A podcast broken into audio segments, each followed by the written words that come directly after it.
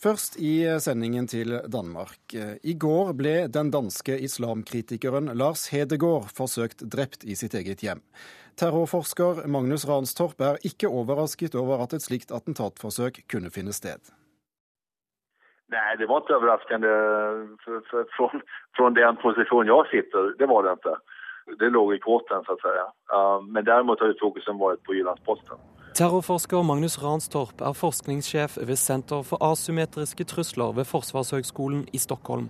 Han har i en årrekke fulgt islamistiske miljøer i Danmark og mulige terrortrusler på dansk jord. Han har hatt provoserende uttalelser, så at, uh, det burde egentlig være en, en, en, en, naturlig sak at man også tittet på, på eventuelle hot og eventuell hans sikkerhet også. Kort før middag affyrede en gjerningsmann skudd I går kveld ble den danske islamkritikeren Lars Hedegaard forsøkt drept av en mann utkledd som postbud i sitt eget hjem.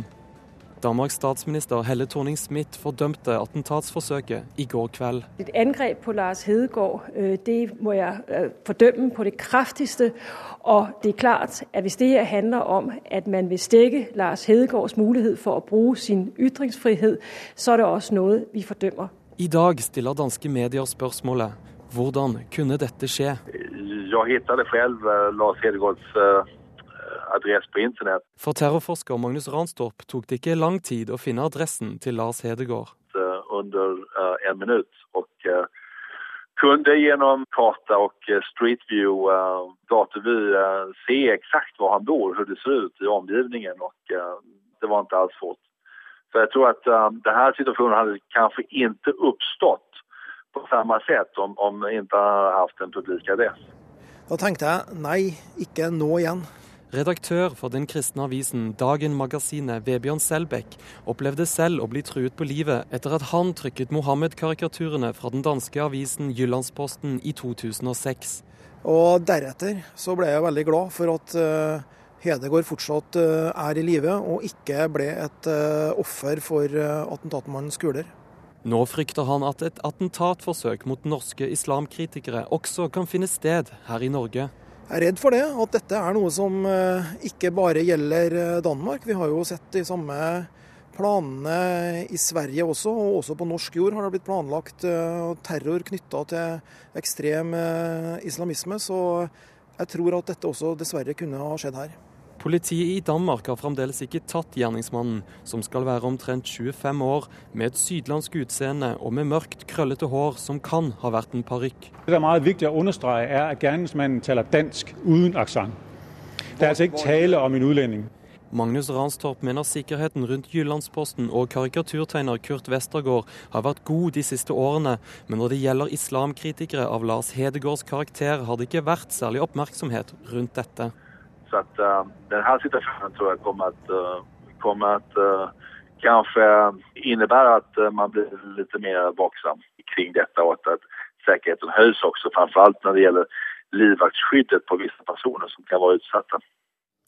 Ja, det sa terrorforsker Magnus Ranstorp til reporter Eivind Våge. Tom Jensen, sjefredaktør i Berlingske Tidene. Hvordan reagerer dansk presse i dag på attentatet mot Lars Hedegaard? Øh, man kan si at der har vært en generell fordømmelse av angrepet hele veien rundt, faktisk i stort sett alle øh, tilgængelige medier, som jeg har sett. Øh, så der har ikke vært noen forbehold som sådan i, fordømmelsen av det attentatet. Nok et angrep i Danmark som knyttes til islamkritikk. Kommer dette til å prege dansk debatt og politikk i tiden fremover nå? Det er meget svært å si nå, særlig fordi det kun er meget få omstendigheter ved, ved attentatet, som man reelt kender endnu. Altså man vet eksempel intet om, hvem det er, der har utført det. Lars Hedegaard er jo en kjent islamkritiker, men, men det er sådan set ikke mulig endnu øh, faktuelt at forbinde øh, attentatet præcis til det. Det som jo helt øh, formentlig helt uunngåelig vil skje, det er, at, at øh, uanset hvem det er, så, så den dagsorden, som, øh, som uh, Lars Hedegaard uh, har, har stået for, har jo, om jeg så må sige, uh, hos noen allerede nå fået, hva skal man sige, ny legitimitet alene ved det, at han er blevet angrepet. Og, og det er jo nok en, en, en lære ved det her allerede innen man vet hvem der har gjort det. Det er, at hvis der er noen der har søgt å, å, å angripe Lars Hedegaard for å få, øh, hvad skal man sige, hans politiske dagsorden fjernet fra den offentlige debatt, så er det nok ikke lykkedes. Ut fra det politiske klimaet i Danmark, eh, er du overrasket over den brede støtten eh, han får, eller er det helt naturlig med, med så, så, stor støtte?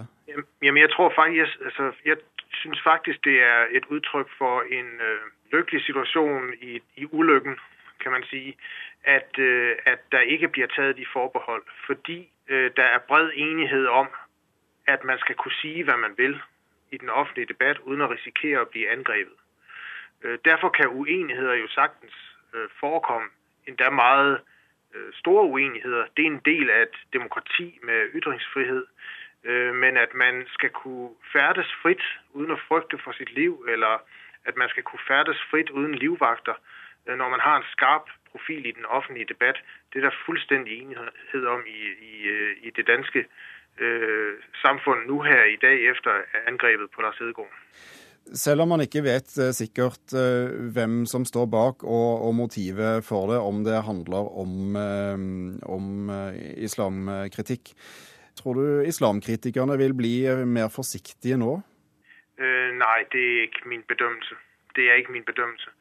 Uh, altså, øh, debatten om islam har i, i, i Danmark været hvad hedder det, tydelig og, og meget direkte gennem nu 10-15 år.